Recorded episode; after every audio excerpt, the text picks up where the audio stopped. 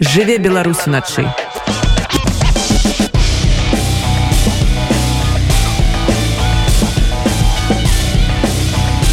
беларускія ноцы ольга сямашкалі мікрафона дамініка борж за гукарэжысёрскім пультам. Мы вітаем слухачу рады унет з відні і варшавы. І бліжэйшыя дзве гадзіны запрашаем правесці на нашай беларускай хвалі. Пасля апоўначы у нас гадзіна беларускай музыкі. І госці марыны марыны савіцкай будзе сёння паўлін. Ну а да гэтага часу мы абмяркоўваем асноўныя падзеі тыднем і напярэдадні нашага эфіру прыйшла сумная навіна. Памёр праваабаронца олег гулак. Яму было 50 65 гадоў. Але гулах беларускі юрыст, грамадскі дзейшы праваабаронца старшыня беларускага хельсінскага камітэта. Як грамадскі абаронца удзельнічаў у дзясятках судовых спраў і грамадскіх дзеянняў па абароне правоў асоб, якія сталі ахвярамі парушэнняў правоў чалавека ў Беларусі. Ну а імя іншага беларускага праваабаронцы алеся бяляцкага на гэтым тыдні прагучала на ўвесь свет. 10 снежня прайшла цырымонія ўрушэння нобелеўскай прэміі міра.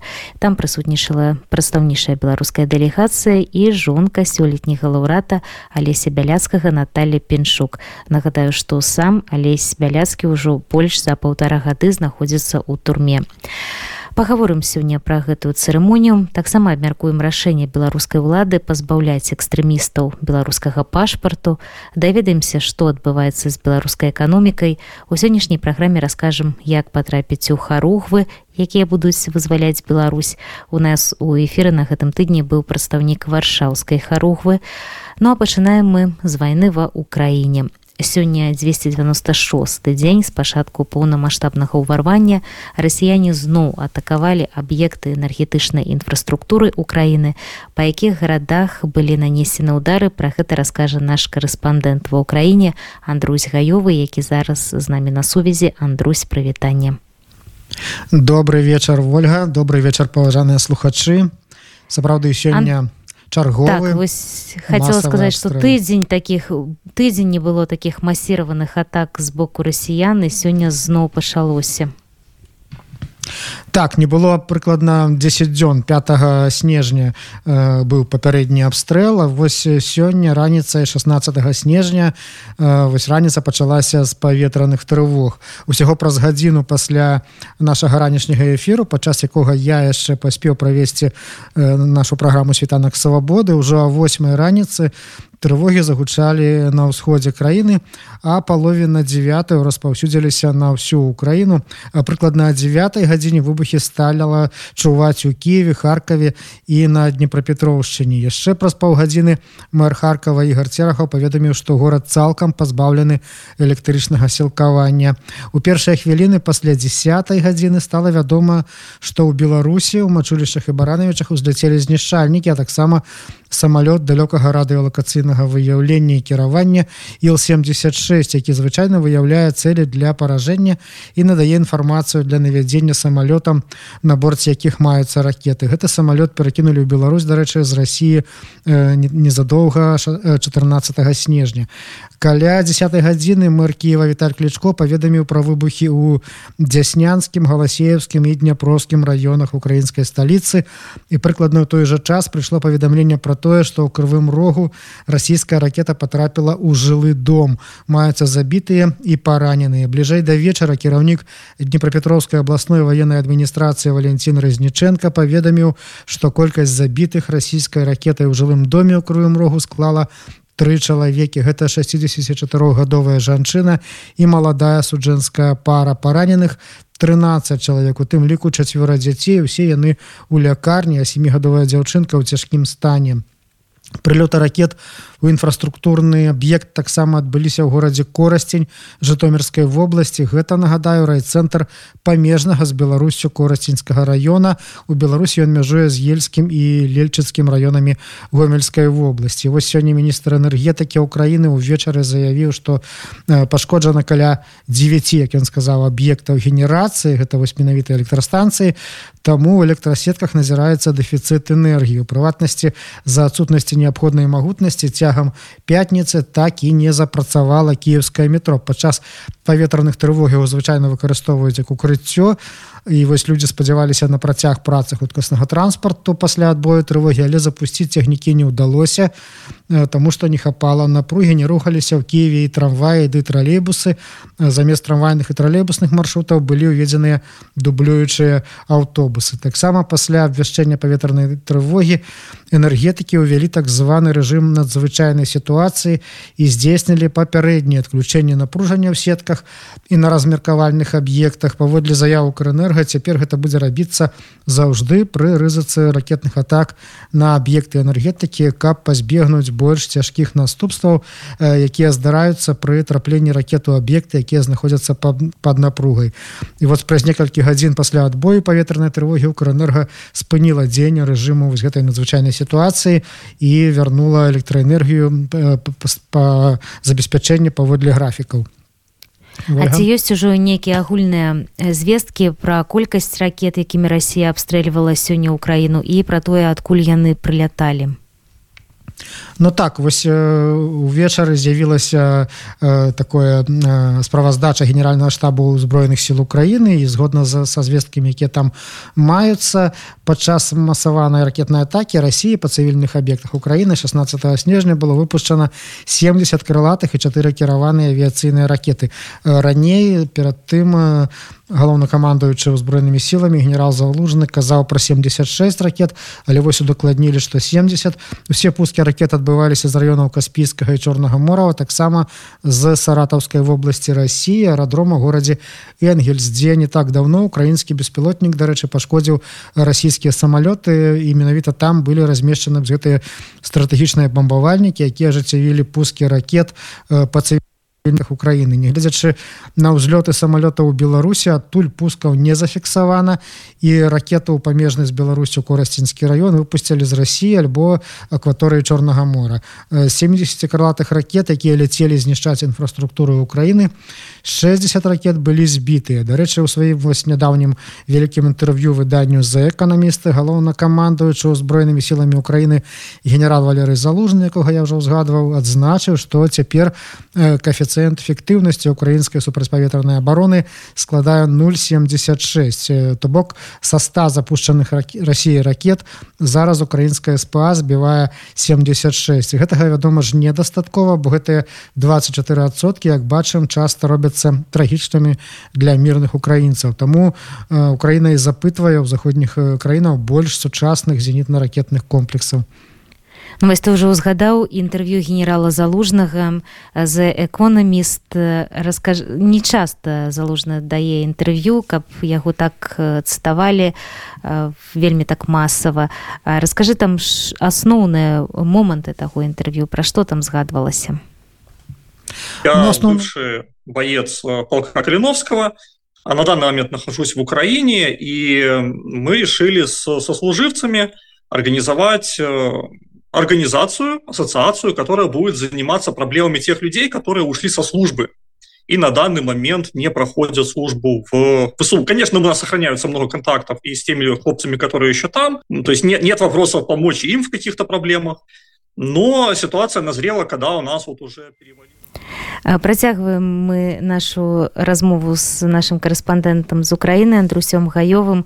Андрусь пытала я пра інтэрв'ю генерала валеры залужнаму залужнам выданню эканаміст не часта ён дае інтэрв'ю. Якія там асноўныя моманты здаліся табе такімі цікавымі Ну асноўныя моманты гэта то што тычыцца нас беларусаў канешне ж і тое як гэта бачыцца камандаванню украінскаму. Вядома ж асноўны пасыл які ён спрабаваў перадаць сваімі гэтымі месаджамі месаджамі гэта тое што Украіна навучылася ваяваць вось за гэтыя 8 гадоў ад 14 -го года што зараз Украіна гатовая адбіваць любыя напады Росіі і пралічваць тыя хады якія расійцы намагаюцца зрабіць. І прыватнасці вось ён закрануў тое што расійскія войскі рыхтуюцца да новых мас масавых наступаў на ўкраіну і таму спрабуюць дамагчыся нейкага спынення актыўных баёў каб накапіць ресурсы гэта і так званую жывую сілу то бок чалавечыя ресурсы якія яны зараз дарэчы рыхтуюць на беларускіх палігонах і ўзбраенні боепрыпасы у тым ліку вось гэтымі ракетнымі абстрэламі аб'ектаў энергетыкі на тэрыторыі Украіны.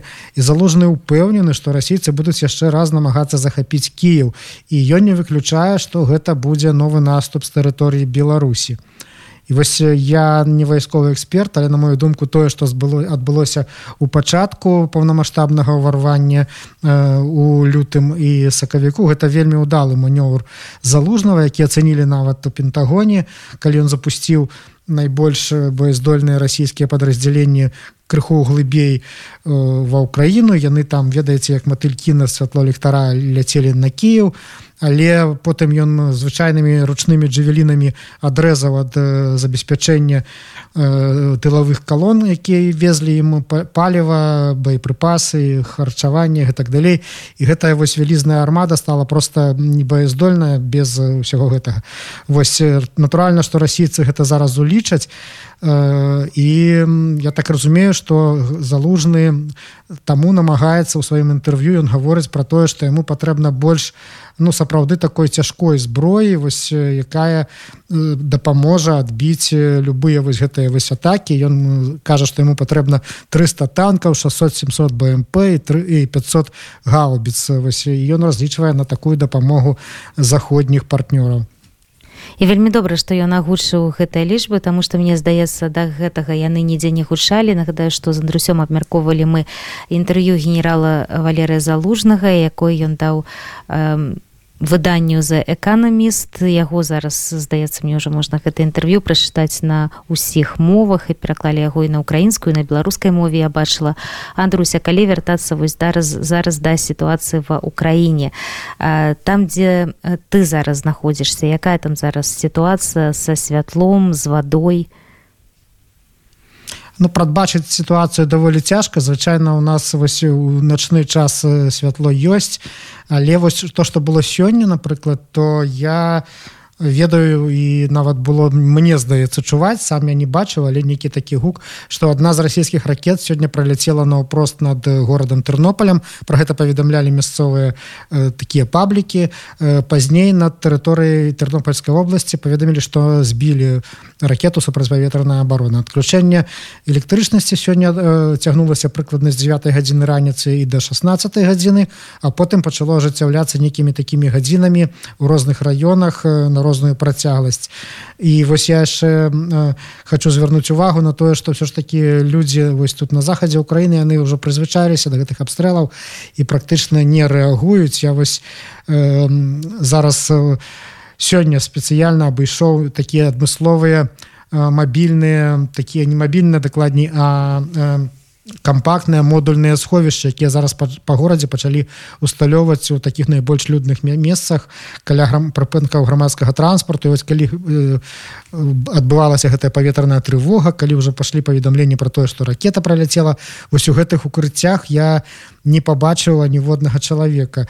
Э, то то бок э, відаць людзі не асабліва э, так э, маюць нейкую паніку ад гэтых вось абстрэлаў Дякую Андрусь нагадаю што з намі на сувязі быў наш украінскі корэспандэнт Андрусь гаёвы які нам падрабязна расказаў пра сённяшнюю масіраваную атаку расіян на Украіну. Андрусь жадаем табе ну добрай і спакойнай ночы ў прамым сэнсе гэтага слова. Дзякуй Вольга табе добрага эфіру і ўсіго добрага нашим слухачам Дзякуй яшчэ раз а мы працягваем ваенную тэму. Ветэраны з розных беларускіх добраахвотніцкіх падраздзяленняў узброеных сіл Украіны прынялі рашэнне аб стварэнні асацыяцыі беларускіх ветэранаў. Мэта гэтай асацыяцыі дапамагчы ў вырашэнні праблем беларусаў якія праходзілі службу ў шэрагах узброеных сіл Украіны. Ужо зараз людзі якія удзельнічалі ў баявых дзеяннях сутыкаюцца з праблемамі у медыцынскай і юрыдычнай галінах маюць патрэбу патрэбу ў рэсацыялізацыі і псіхалагічнай дапамозе. Сузаснавальнік асацыяцыі беларускіх ветэранаў Андрей Кушняроў расказаў нам аб прычынах і мэтах стварэння гэтай арганізацыі.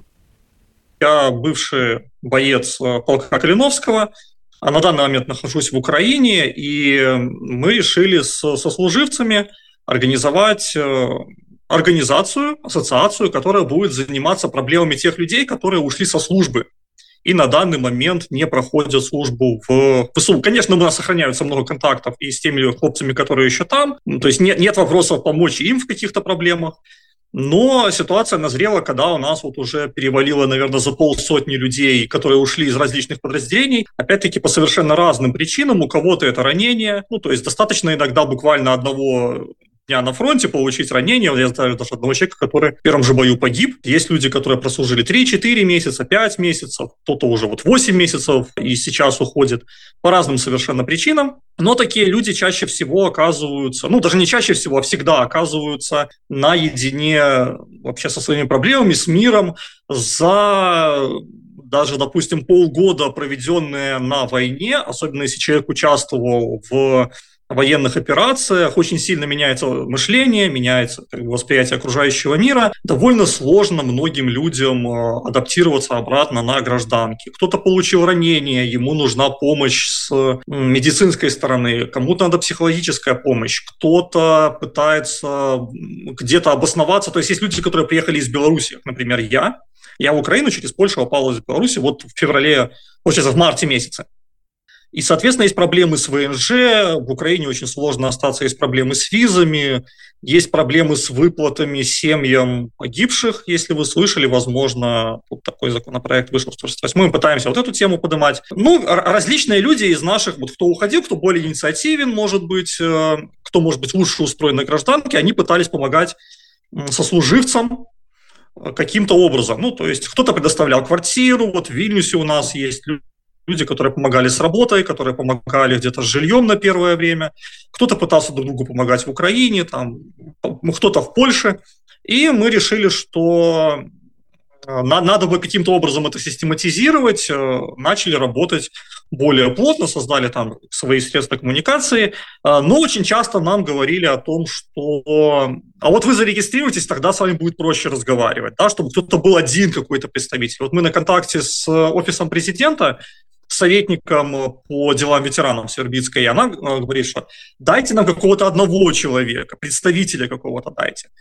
А вот такие вещи мы слышим неоднократно, и э, буквально, наверное, месяц назад мы приняли решение уже официально более-менее оформиться, начали ну, подготовку к процессу оформления в Польше, выбрали своих представителей в трех странах, это Литва, Польша, Украина, и сейчас продолжаем работать в этом направлении. Нет, мы не имеем отношения к полку Калиновского, кроме как э, ту, что большая часть наших людей служила когда-то в полку Калиновского. Полк Калиновского не, ну, не, скажем так, не заинтересован в работе с нами, ну, с людьми, которые ушли, уходят у них со службы, они занимаются другими вещами, это их решение, вот, оно такое, какое есть. Так что ни к одному из политических течений, из военных организаций, ни к чему мы не относимся. Это инициатива сугубо людей, которые просто вот ушли и, ну, просто увидели, что надо помогать своим же, потому что, ну, тяжело. А камусьці ўвогуле ёсць справа вось да таких людей апроч іх самих Ну если честно нет то есть мы много с кем общались, это ни украинской стороне не интересно, ни белорусской стороне не интересно. Белорусская пресса очень долгое время практически полностью игнорировала все проблемы, то есть ситуация с лишением, например, выплат э, семьям военнослужащих я писал почти везде. Ну, очень много где, скажем так. Не, не совсем везде, там, где у меня были контакты, и чаще всего я натыкался на то, что не наша тема, неинтересно. Но когда люди сталкиваются лично, вот, они говорят, что очень нужное, очень правильное. Когда мы сталкиваемся со структурами, Украина тоже по-разному. То есть, с одной стороны, у нас пошла на контакт вот, советница по делам ветеранов из офиса, с другой стороны, есть свои нюансы, это очень многообразная страна.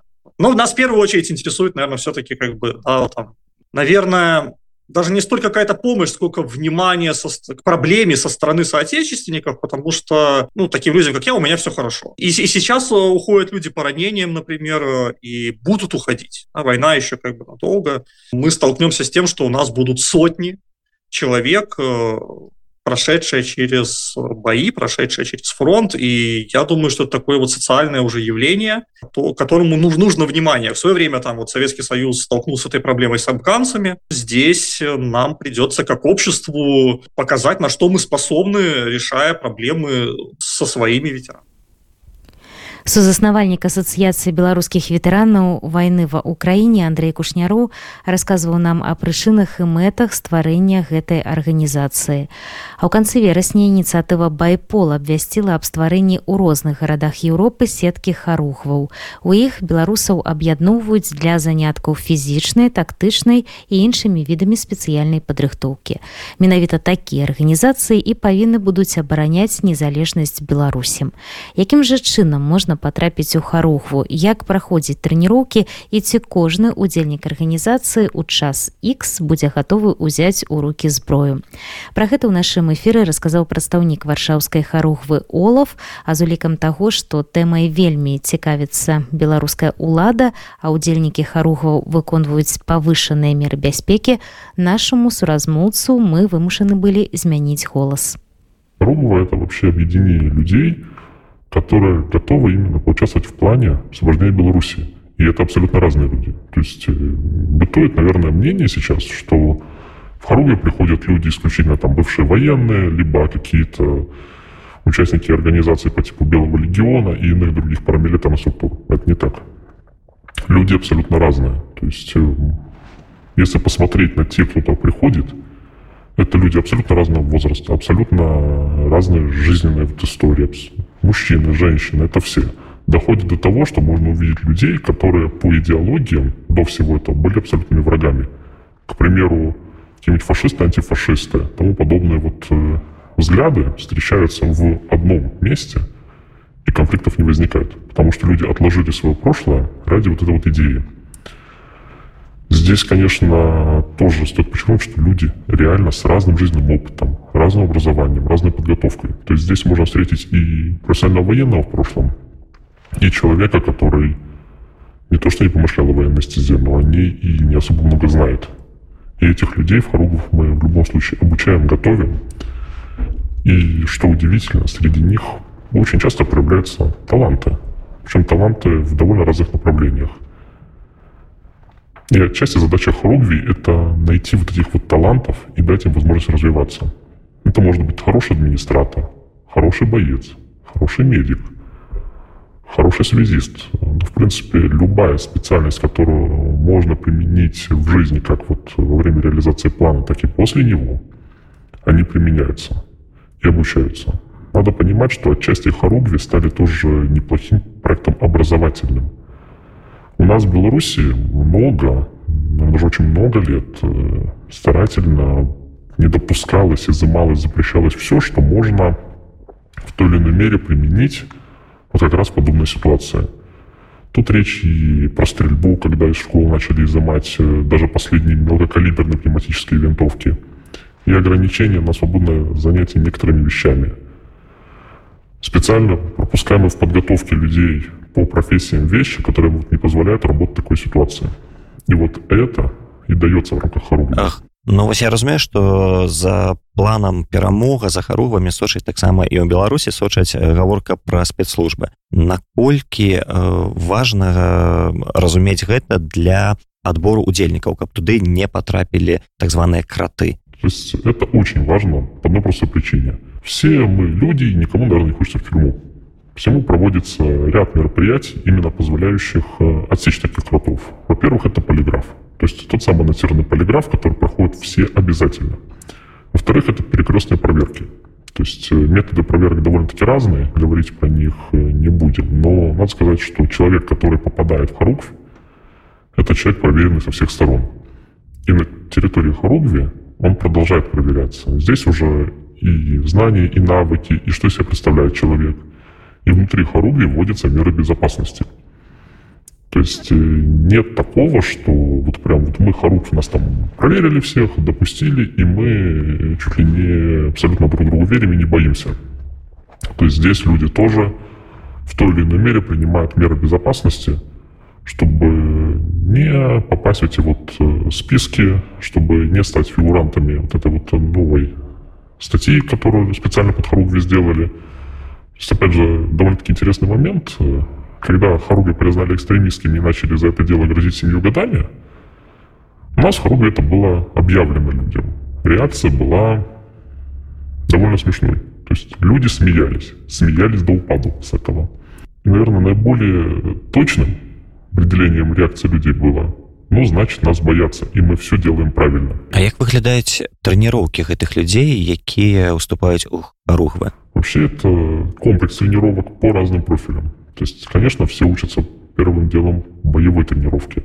Это и физо хорошее. То есть, как я говорил, люди разные. Кто-то это были реально там выживальщики, страйкболисты, кто-то такие, для кого спортивные и физические нагрузки такого тактического характера – это норма. И они хорошо с ним справляются. А есть люди, которые, ну, допустим, стали из-за компа или просто не занимались именно такими вещами. Всему это физо, чтобы люди просто были физически готовы к нагрузкам. Это тренировки боевые, то есть тренировки обращения с оружием. Конечно, да, можно человеку дать пистолет, он, скорее всего, куда-то там попадет один раз из десяти. Поэтому людей учат обращаться с оружием, учат стрелять, стрелять в условиях как просто по мишеням, так и стрельба, скажем так, в здании каких-то условиях. Людей учат работе с экипировкой. Не будем скрывать, экипировка военная, она немного ограничивает движение. Люди, которые вот именно с ней тренируются, они к ней привыкают. До того уровня, что есть э, уникумы, которые полноценно с утра бегают в бронежилетах. Надо сказать, эта тренировка именно хорошая на выносливость. И ну, люди просто постепенно привыкают к тому примерно, что дают во время армейского КМБ. К этому накладываются тренировки более специализированные. То есть здесь работа со связью, потому что работа с той же радиостанцией, она требует определенных навыков. Это и тренировки по вождению для тех, кто умеет водить. То есть э, водить это классно, но водить в условиях там, бездорожья, в условиях каких-то экстремальных довольно-таки трудно. И это тоже постепенно обеспечивается. Обеспечивается обязательно тренировка по медицине. Каждый человек в Харугве, он обязан уметь оказывать базовую первую помощь себе и соседу по устрою. Те, кто наиболее толковые, соответственно, уже продвигаются для спецобучения по медицине, вплоть до довольно серьезных вещей. И это нам позволяет э, обеспечить в Харугве такую группу людей, которые просто окажут помощь, учитывая, что Харугв это все-таки подразделение боевое, и травмы будут, будет э, разное, надо быть готовым оказать помощь. А более специальные курсы доступны всем за довольно-таки смешные деньги. Опять же, пользуясь случаем, обращаюсь к белорусам, которым тематика интересна, советую пройти курсы хотя бы КПП. Вам это очень поможет. КПП – это квалифицированная первая помощь. То есть это первая помощь э, расширенное на применение специального оборудования. суразмоўцам романа ждановича быў олаф з варшаўскай харухвы а поўную размову можна знайсці на нашым сайце www кропка радиоунет кропка fm жыве беларус уначы нагадаю што вы на беларускай хвалі хвалі рады унеты гэтым вечарам разам са мной ольгай сямашка мы подводзім вынікі гэтага тыдня. І сёння стала вядома што 19 снежня ў мінск прыляціць прэзідэнт рассіі владимир Пуін амаль тры гады ён не наведваў Беларусь хоць такія візіты анансаваліся але пасля зрываліся ці адкладаліся. Але Пуціну пастаянным кантакце з александром лукашэнкам. Сёлета яны рэгулярна праводзяць як асабістыя сустрэчы так і удзельнічаюць удзельнічаюць у пасяджэннях міждзяржаўных структур. Асноўнай тэмай перамоў заяўлена эканоміка, доступ беларускіх тавараў на расійскі рынок і цэны на газ якія яшчэ не ўзгоднены на наступны год які пачынаецца праз пару тыдняў. Зразумела што гэтае пытанне можна вырашыць і дарэчы яны заўсёды вырашаліся без удзела Пуціна. Таму эканамічнае супрацоўніцтва гэта толькі шырма за якой будуць вырашацца пытанні ваенныя. І сёння напярэдадні візіту Пуціна лукашенко сабраў сваіх чыноўнікаў каб абмеркаваць будучую сустрэчу з расіянамі. І там прагучала што суверэнітэт і незалежнасць беларусі непарушная і пры гэтым Беларусь ніколі не будзе ворагам рассіі Ну і працягваем справы номенклатурныя 13 снежня на пасаду кіраўніка знешнепалітычнага ведомства беларусі быў прызначаны першы намеснік памерлага міністра владимира макея сергей алейнік. У эфиры радыё унет гэтае прызначэнне пракаментаваў былы супрацоўнік ведомства дыпламат павел слюнькін Сергей Ленік ён кар'ерны дыпламат. Що сваё жыццё працаваў на заходнім накірунку. У яго добрыя сувязі з мальтыйскім ордэнам святым престолом менавіта гэтыя дзяржавы дзяржаўныя ўтварэнні яны былі аднымі з лабістаў былых разморозак адносін з беларусю так пасля выбора 2010 года. І вось і там роля Сергея нейніка у гэтым была даволі вялікая. Пры гэтым алейніка яшчэ сваталі калі так можна сказаць по-беларуску на месца міністра ўжо вельмі вельмі шмат гадоў і ён не мог дарасці до гэтай пазіцыі просто таму что на на ёй быў працаваў владимир макей. То бок гэта такая пек можна сказаць ну вышэй за макей было цяжка скокнуть. Так таму ён вось на апошні сваё вяртанне калі ён вяртаўся з брытані ён стаў першым намеснікам владимира макет у гэтым сэнсе яго прызначэнню даволі лагічна Чаму яно у той жа час як бы нам ну адметнае тому что александр лукашенко нягледзячы на тое что апошнія гады ён прызначае вакол сябе сілавікоў. Вось як ён прызначаў на главу адміністрацыі прэзідэнта сілавіка. І увогуле змяняў іх і там і, і ў рэгіёны папрызначаў іх і на пасаду прэм'ер-міністра таксама чалавека з таких сілавых колаў. Мяне б не здзівіла абсалютна я каб гэта быў чалавек бо в украіне вайна краіна сама знаходзіцца як бы такой не самай добрай сітуацыі з пункту пытанняў бяспекі так? І можна было чакаць что александр лукашенко можа прызначыць туды нейкая такого сілавога міністра. Нават у владимира макея была так сілавая кампанента ў яго бэкграундзе. Але не ён набраў кар'ернага дыпламата чалавека які з 2020 года ніякімі такімі жорсткімі антызаходнімі заявамі не адзначыўся не не не не мельгаціў там не мільгаў у сродках масавай інфармацыі не крычаў пра ні пра небяспеку з рассіі ні не праз беку небяспеку захаду. Ён таемна ці не таемна ён сустракаўся з рэгулярна з заходнімі амбасадарамі якія працавалі і працуюць у мінску ездзіў за мяжу дзе там таксама падтрымліваў камунікацыю з еўрапейцамі і у гэтым сэнсе яго прызначэнне оно мне показвае что александр лукашенко чакае ад міністэрства замежных прав працягу тых задач якія ён ставіў і раней. То бок спрабаваць нягледзячы на унутраныя умовы рэпрэсіўныя нягледзячы на удзел у агрэсіі супраць Украіны спрабаваць на заходнім трэку працаваць над тым каб там санкцыі хоць часткова здымаліся а нейкі дыялог усталёўваўся. Ён калі ўручаў гэту тэчашку у кабінеце так якую выклаў пул першага на сваёй тэлеграм на старонцы бачыў що ён кажа ну задача у вас нелёгкая так будзе нелёгка Ну і відавочна гэта таксама намікае что тут ён не мае на увазе ні экспорту Кітай ні адносіны з Росіі а менавіта кажа вось про заходні вектор. Ну і ў гэтым сэнсе ну адметна бо ён мог прызначыць нейкая русафіла так тых людзей якія там на тэлебачанні часто з'яўляюцца якія дэманструюць вось так з максімальнай шчырасцю ці з максімальнай адданасцю сваю э, лаяльнасць на тэлебачанне але прызначылі не іх. Прызначылі вось такого умоўна кажучы найбольш пра заходняга з іх чалавека пры гэтым яшчэ важно азначыць што сярод патэнцыяльных кандыдатур былі людзі як Масім ражанкоў які знаходзяцца под санкцыямі напрыклад так?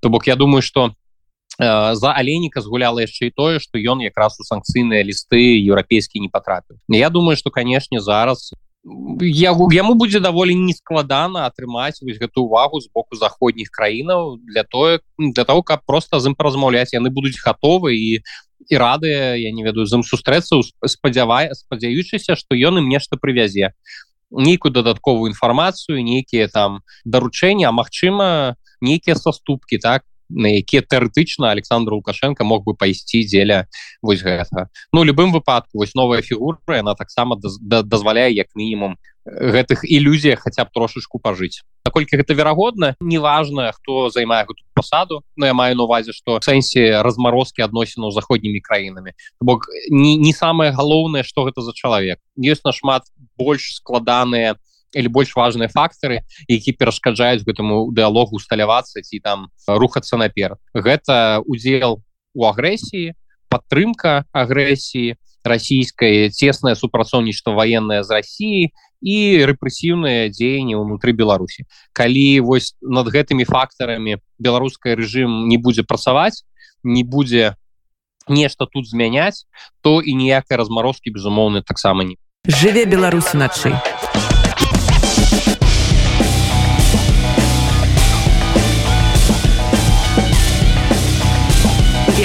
беларускія хто толькі далучыўся да нас нагадаю што вы на беларускай хвалі рады унет гэтым вечарам разам з вами я ольга сямашка расказваем мы пра асноўныя падзеі адыходзячага тыдня. І на гэтым тыдні адразу у двух чытаннях дэпутата палаты прадстаўнікоў прынялі законапраект аб зменах у закон аб грамадзянстве Рэспублікі Беларусь. І згодна з гэтым дакументам улады змогуць пазбавіць грамадзянства беларусаў па народжанні. Пералічаны 55 артыкулаў крымінальнага кодексу па якіх гэта могуць зрабіць. Нагадаю што раней у беларусі увялі завочныя суды якія ўжо пачалі праводзіць над палітычнымі актывістамі што з'ехалі з краіны. І чарговая навела беларускага заканадаўства каментуе юрыст мехась кірылюк. Ну увогуле правой сфера беларусі адбываецца правы дэфолт які можна сказаць пачаўся ў двадцатым годзе яшчэ осенню двадцатого дакладчыка бС я напісаў што ў беларусі уже няма рулуфло ёсць спробы рул байло то бок перакладаючы з ангельскага няма верхавенства права а ёсць спробы кіравання праз права. То бок права выкарыстоўваецца выключна як інструмент для утрымання незаконна захопленай улады. Вось і гэта ўсё у нас працягваецца ўжо больш чым два гады на жаль что да, да завочных а, судоў то таксама яны пачаліся трошачки раней. Я як праўнік які там працаваў яшчэ там больш паўгады таму с павлом латушка ведаю что яго калі там забіралі маёмасць дом праводзілі завочная грамадзянская праўда так званое судова разбраць не крымінальная і мы тады написали письмо что мы просим допусціць нас да удзелу ў справе хотим выступаць по відэо і спачатку нам нават далі такі дазвол але перед самым паседжаннем адмовілі сказали что тэхнічна няма магчымасці Ну то бок уяўляеце сабе што суддзя спужаўся суддзя спужаўся таго што там прагучыць на выступ у нашым наш у яго суддзе і напэўна яму не будзеш што адказаць э, так пераканаўча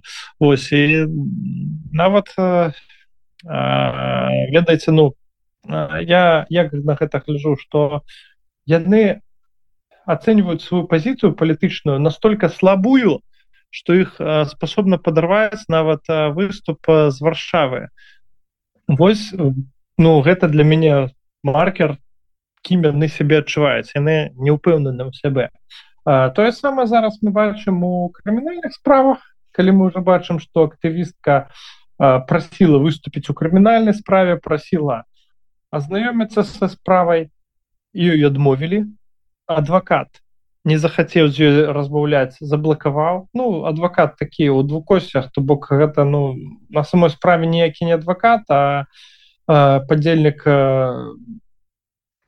арганізоўванай злачыннай групоўкі губазіка. Я не веду больш як яго назваць калі чалавек які называе себе адвакатам адмаўляецца даваць інфармацыю таму каго ён нібыта лічыць сваім кліентам Ну, гэта не адвакат гэта просто імітацыя акцёрская. Гэты суды для мяне ну нічым больш чым палітычны пераслед не з'яўляецца і я думаю что у Еўропе у Амерыке у любой цывілізаванай краіне ён інакш як палітычны пераслед успрымацца не будзе. Мэта гэтых судоў каб застрашаць сваіх палітычных апанентаў можа быць яшчэ дадатковая мэта канвіскацыя маёмасці якая на тэрыторыі беларусі. І яшчэ дадатковая мэта паспрабаваць яшчэ раз кагосьці аб'явіць рошук міжнародны тому что ну былі прыклады ў нас калі актывістаў беларускіх падавалі ў рошук быццам бы не па палітычных справах а па эканамічных. І некаторыя крымы якія не адразу бачылі што адбываецца прымалі гэтыя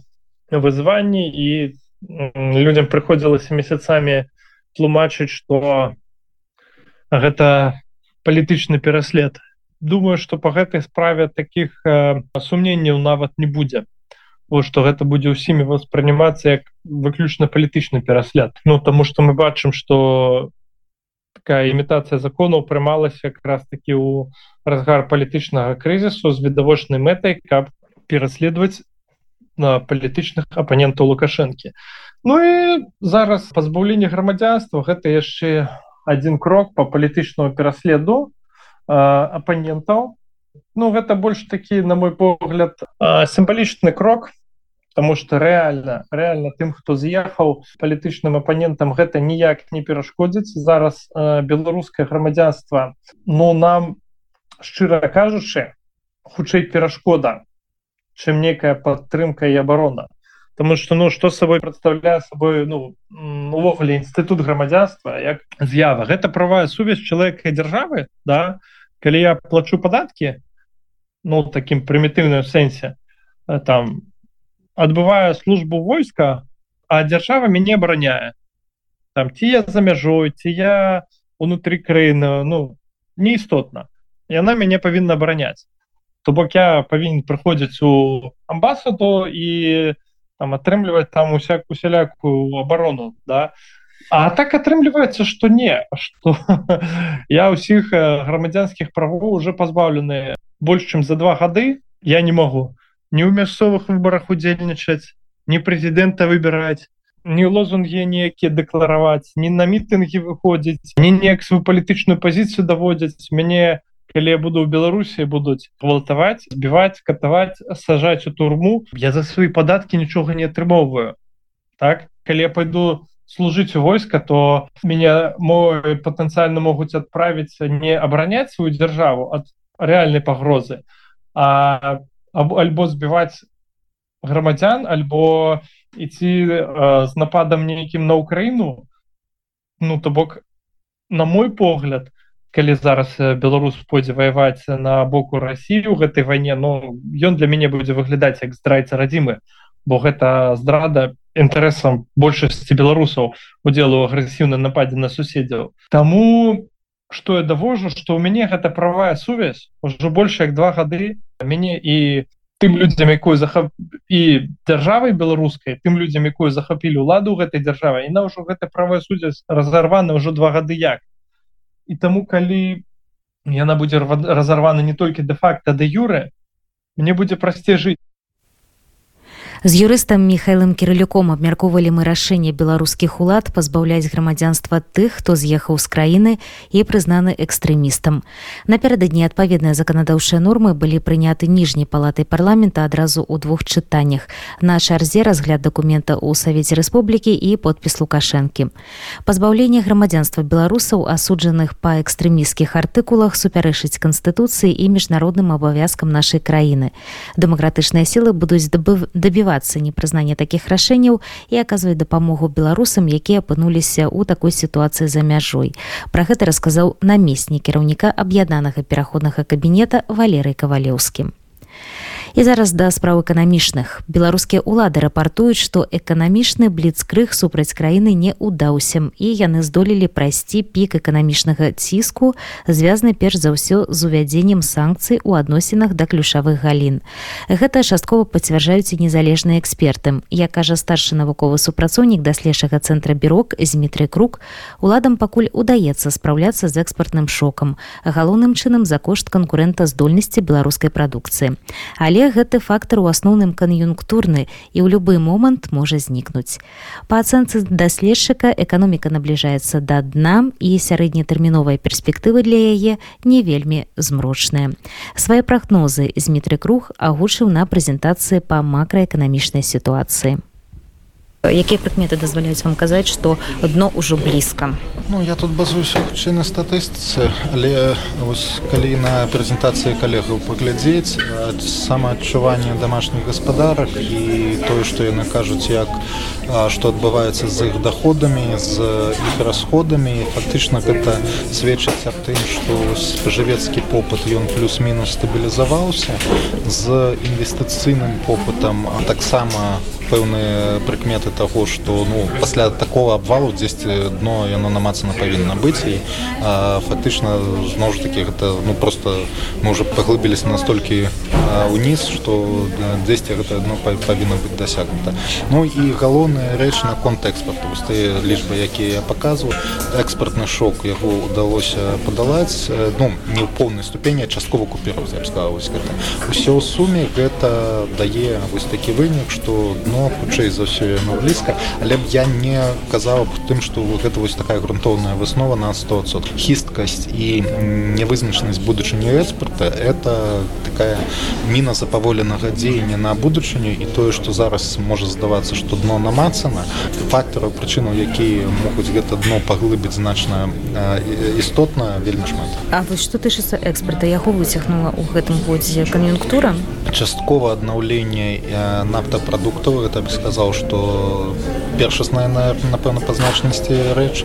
Другое так кан'юнктура і магчымасць у другім трэцім квартале прадаваць шмат якіх таваров у Росіі тому что у Росіі цены адаптавалі значна хутчэй і адпаведна цэнавы гэп то ж розніца паміж цэнамі на расійскім рынку на беларускім хатнім рынку яна вельмі павялічылася ў перыяд дзесьці з красавіка. Ну это і зараз актуальна вось на перыяд з красавіка по прыкладна жнівень гэта была просто огромністая розніца ад шмат якіх бізнесмена чуў што там прадаць любы тавар на расійскі рынок можна не падымаючыся з канапы той перыяд было ну вось гэта две галоўныя прычыны А што тычыцца рызык для канкурэнтаздольнасці ў наступным годзе што гэта можа быць гэта не тое што рызык. Я б сказаў што вось гэтая падвышаная канкурэнтаздольнасць цэнавая якая склалася гэта такая выпадковасць у пэўнай ступені шчаслівая для бізнесаў і для у ўсёй эканомікі. І як любая выпадковасць пытання калі яна знікне. Гэта не нешта устойлівае не нешта што было мэта накіравана дасягнута. Таму любая выпадковасць она рано ці позна яна знікае. І фактычна вось гэтай нечаканай звыш канкурэнтаздольнасцю тое ж самае адбудзецца і гэта даволі натуральна.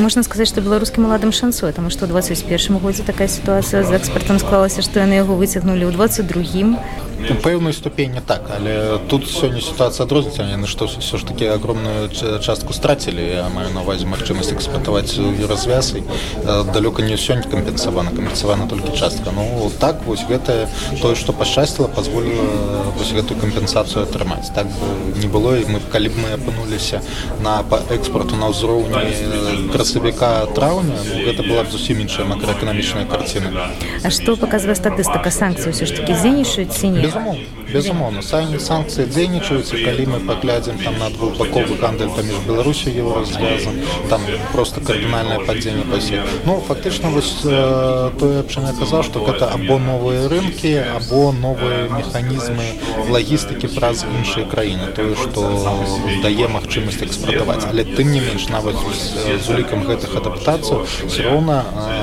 у параўнанні з перадваенным узроўню экспорт вельмі значна прасе вельмі значна А вось акрамя экспертнай рызыкі якія яшчэ выклікі перад беларускай эканомікай наступным годзе стаяць Ну вось калі мы пра такі кароткатэрміновы перыяд кажам я б сказаў што тая ліквіднасць якая зараз назапасілася ў банкаўскім секторе калі яна выплеснецца ў эканоміку то інфляцыйны ўсплеск даволі верагодны і наколькі я разумею улады яны цяперашняй улады паставілі галоўную мэту вось прастымуляваць той самы аднаўленчы рост які казала галочынка і яны мэта накіравана спрабуюць гэта рабіць таму тут сітуацыя даволі ну падобная там до 10 11 -го года. Можа атрымацца что так на нейкі кароткі перыяд там десятка пачатку 11 -го года гэты рост падштурхнуць але ў дадзеным выпадку гэта хутчэй тады ў 11 годзе гэта праз курс потом макроэканамічная стабілізацыя адбывалася зараз гэта пра сцэны будзе тады адбывацца калі вось гэта адбудзецца вось гэта я б сказал на таким кароткім прамежку галоўны рызыкануў і таксама з экспертам тое што я кажу што ён настолькі хісны настолькі неустойлівы знікае заўтра часта эспарту все сітуацыя вяртаецца да перыяду красавіка мая А што тычыцца вось гэтага падзення інвестыцыйнага попыту? Чым гэта пагражае ў перспектыве по-добраму гэта немагчымасць вытворчасці ў пэўных галінах і на будучыню страта канкурэнтаздольнасці дзе яна залежыць ад капітала. Але тут вельмі важная таксама рэч хто зараз не ў стане вось гэтай інвестыцыі здзяйсняць. І калі гэта тыя дзяржпрадпрыемствы якія просто штучна іх э, інвеставалі і у якіх і так празмерны ўзровень капіталу то гэта кардынальнае зніжэнне можна его характарызаваць у пэўным сэнсе як плюс у тым сэнсе что ну інвестыцыі якія не маюць сэнса лепш не рабіць чым зрабіць а потым забажваць толькі даўгі як это было перад мадэрнізацыі калі ж гэта вось прыватны бізнес то вось першая лінейка аргументаў працуе які мог бы развівацца які зараз не развіваецца то бок гэты мы просто не рэалізуем патэнцыял гэтага бізнесу які мог бы цягнуць за сабой развіваць всю эканоміку з эканамістам з мітрым крукам абмяркоўвалі мы перспектывы беларускай эканомікі сёлета і на наступны год. Ну а зараз вяртаемся бадай да галоўнай тэмы не толькі гэтага тыдня але і ўсяго года. Гэта ўрушэнне нобелеўскай прэміі міра алесю бяляцкаму якая прайшла 10 снежня у осла сам алесь зараз знаходзіцца ў турме. За яго ўзнагароду атрымала жонка Наталля пенчук якая выступіла з вельмі кранальнай прамовай лейт матывам якой было уся Беларусь зараз у турме. Беларускія праваабаронцы стварылі спецыяльны сайт, на якім акумулюецца інфармацыя пра сёлетніх галаўрата нобелеўскай прэміі міру беларускага праваабаронца і пісьменніка палітычнага зняволенага алеся бяляцкага. Пра мэты і канцэпцыю пляцоўкі паразмаўлялі з адной са стваральніц праваабаронцы вясны Марынай Кастылячэнка. Тут варта адзначыць, што калі Алесь яшчэ знаходзіўся ў зняволенні у першы раз у 2011 годзе ён быў затрыманы, тады міжнародная федэрацыя за правы чалавека зрабіла старонку ў яго падтрымку на сваім сайце каб можна было глядзець усе навіны якія тычацца алеся. Вось а, і а, пасля таго як гэтым разам былі затрыманы нашы калегі з вясны а, мы стварылі адмысловую старонку ў інтэрнэце якая называется фрівесна кропка орг А вось і а, нарэшце калі алесь атрымаў нобелевскую прэмію міра а, мы вырашылі што варта зрабіць асобную старонку прысвечаную алесю як нобелевскому лаўрэату каб была магчымасць усім пазнаёміцца што гэта за чалавек. І даведацца пра тое што гэта не проста праваабаронца з беларусі а гэта а, чалавек які ўсё сваё жыццё прысвяціў грамадскай працы які з студэнцкіх гадоў пачаў сваю актыўную грамадскую дзейнасць і потым прыйшоў да праваабароны. і Вось і таму гэта старонка гэта такая магчымасць кожнаму пазнаёміцца з тым шляхам, які алесь пераадолеў ад сваіх юнацкіх гадоў да вось атрымання нобелеўскай прэміі міру. Ці можете вы неяк так каротка асвяціць асноўныя так бы раздзелы зместу гэтага сайта Ну канешне я б сказала што лепш зайсці паглядзець мы падзялілі умоўна гэтую старонку на некалькі раздзелаў адзін з першых раздзелаў які можна паглядзець па этапах гэта прысвечана менавіта гісторыі жыцця леся дзе ён нарадзіўся дзе ён навучаўся як ён далучыўся да грамадскай дзейнасці у тым ліку а чаму ён стаў называць себе менавіта лесем і далей ужо да праваабарончай дзейнасці гісторыя як ён уключыўся ў дапамогу рэпрэсаваным беларусам як была створана вясна якую актыўную дзейнасць ён у у вясне ўжо як праваабаронца рэалізоўваў. Ну і далі мы таксама канешне надалі ўвагу тым узнагародам які алесь атрымоўваў і вясна на працягу гэтых гадоў. І канешне напісалі пра тое што алесь не проста праваабаронца ён яшчэ літаратар і пісьменнік напісаў некалькі кнігаў і там таксама на сайце можна знайсці спасылкі на на, на тое каб гэтыя кнігі напісаны лесем пачытаць. Вось ну і таксама канешне мы дадалі раздзел як падтрымаць леся можна ў зняволенні. І Я думаю, што надалей мы таксама будзем развіваць гэтую старонку. А, напрыклад, хочам змясціць туды не толькі пераклады на англійскую рускую мовы, але і іншыя мовы. І тут нам дапамагаюць нашы партнёрскія арганізацыі. І таксама, магчыма, невялічкі раздзел выдзеліць на тое, каб узгадаць замацаваць як праходзіла менавіта уручэнне нобелеўскай прэміі міра у осла 10 снежня гэтага года вось Мы яшчэ раз віншуем алесе бяляцкага і ўсіх беларусаў з гэтай узнагародай нобелеўскай прэміі міру і дзякуем яго жонцы Наталі Пеншук за тое, што з высокай трыбуны казала на ўвесь свет важныя словы пра Беларусь і беларусаў. Так выглядаў адыходзячы беларускі тыдзень у падзеях фактах і каментарыях. Пра асноўныя падзеі расказвала ольга сямашка. Дзякую нашаму гукарэжысёру дамініцы боршы якая адказвала за тэхнічную частку нашага эфіра з варшавы. Усе размовы можна знайсці ў наших сацыяльных сетках і на сайце www кропка радионет кропка fm пасля апоўначы я перадаю месца ля мікрафона марыні савіцкай. Ну а мы яшчэ сустрэнемся у навінах. Жыве беларусь уначы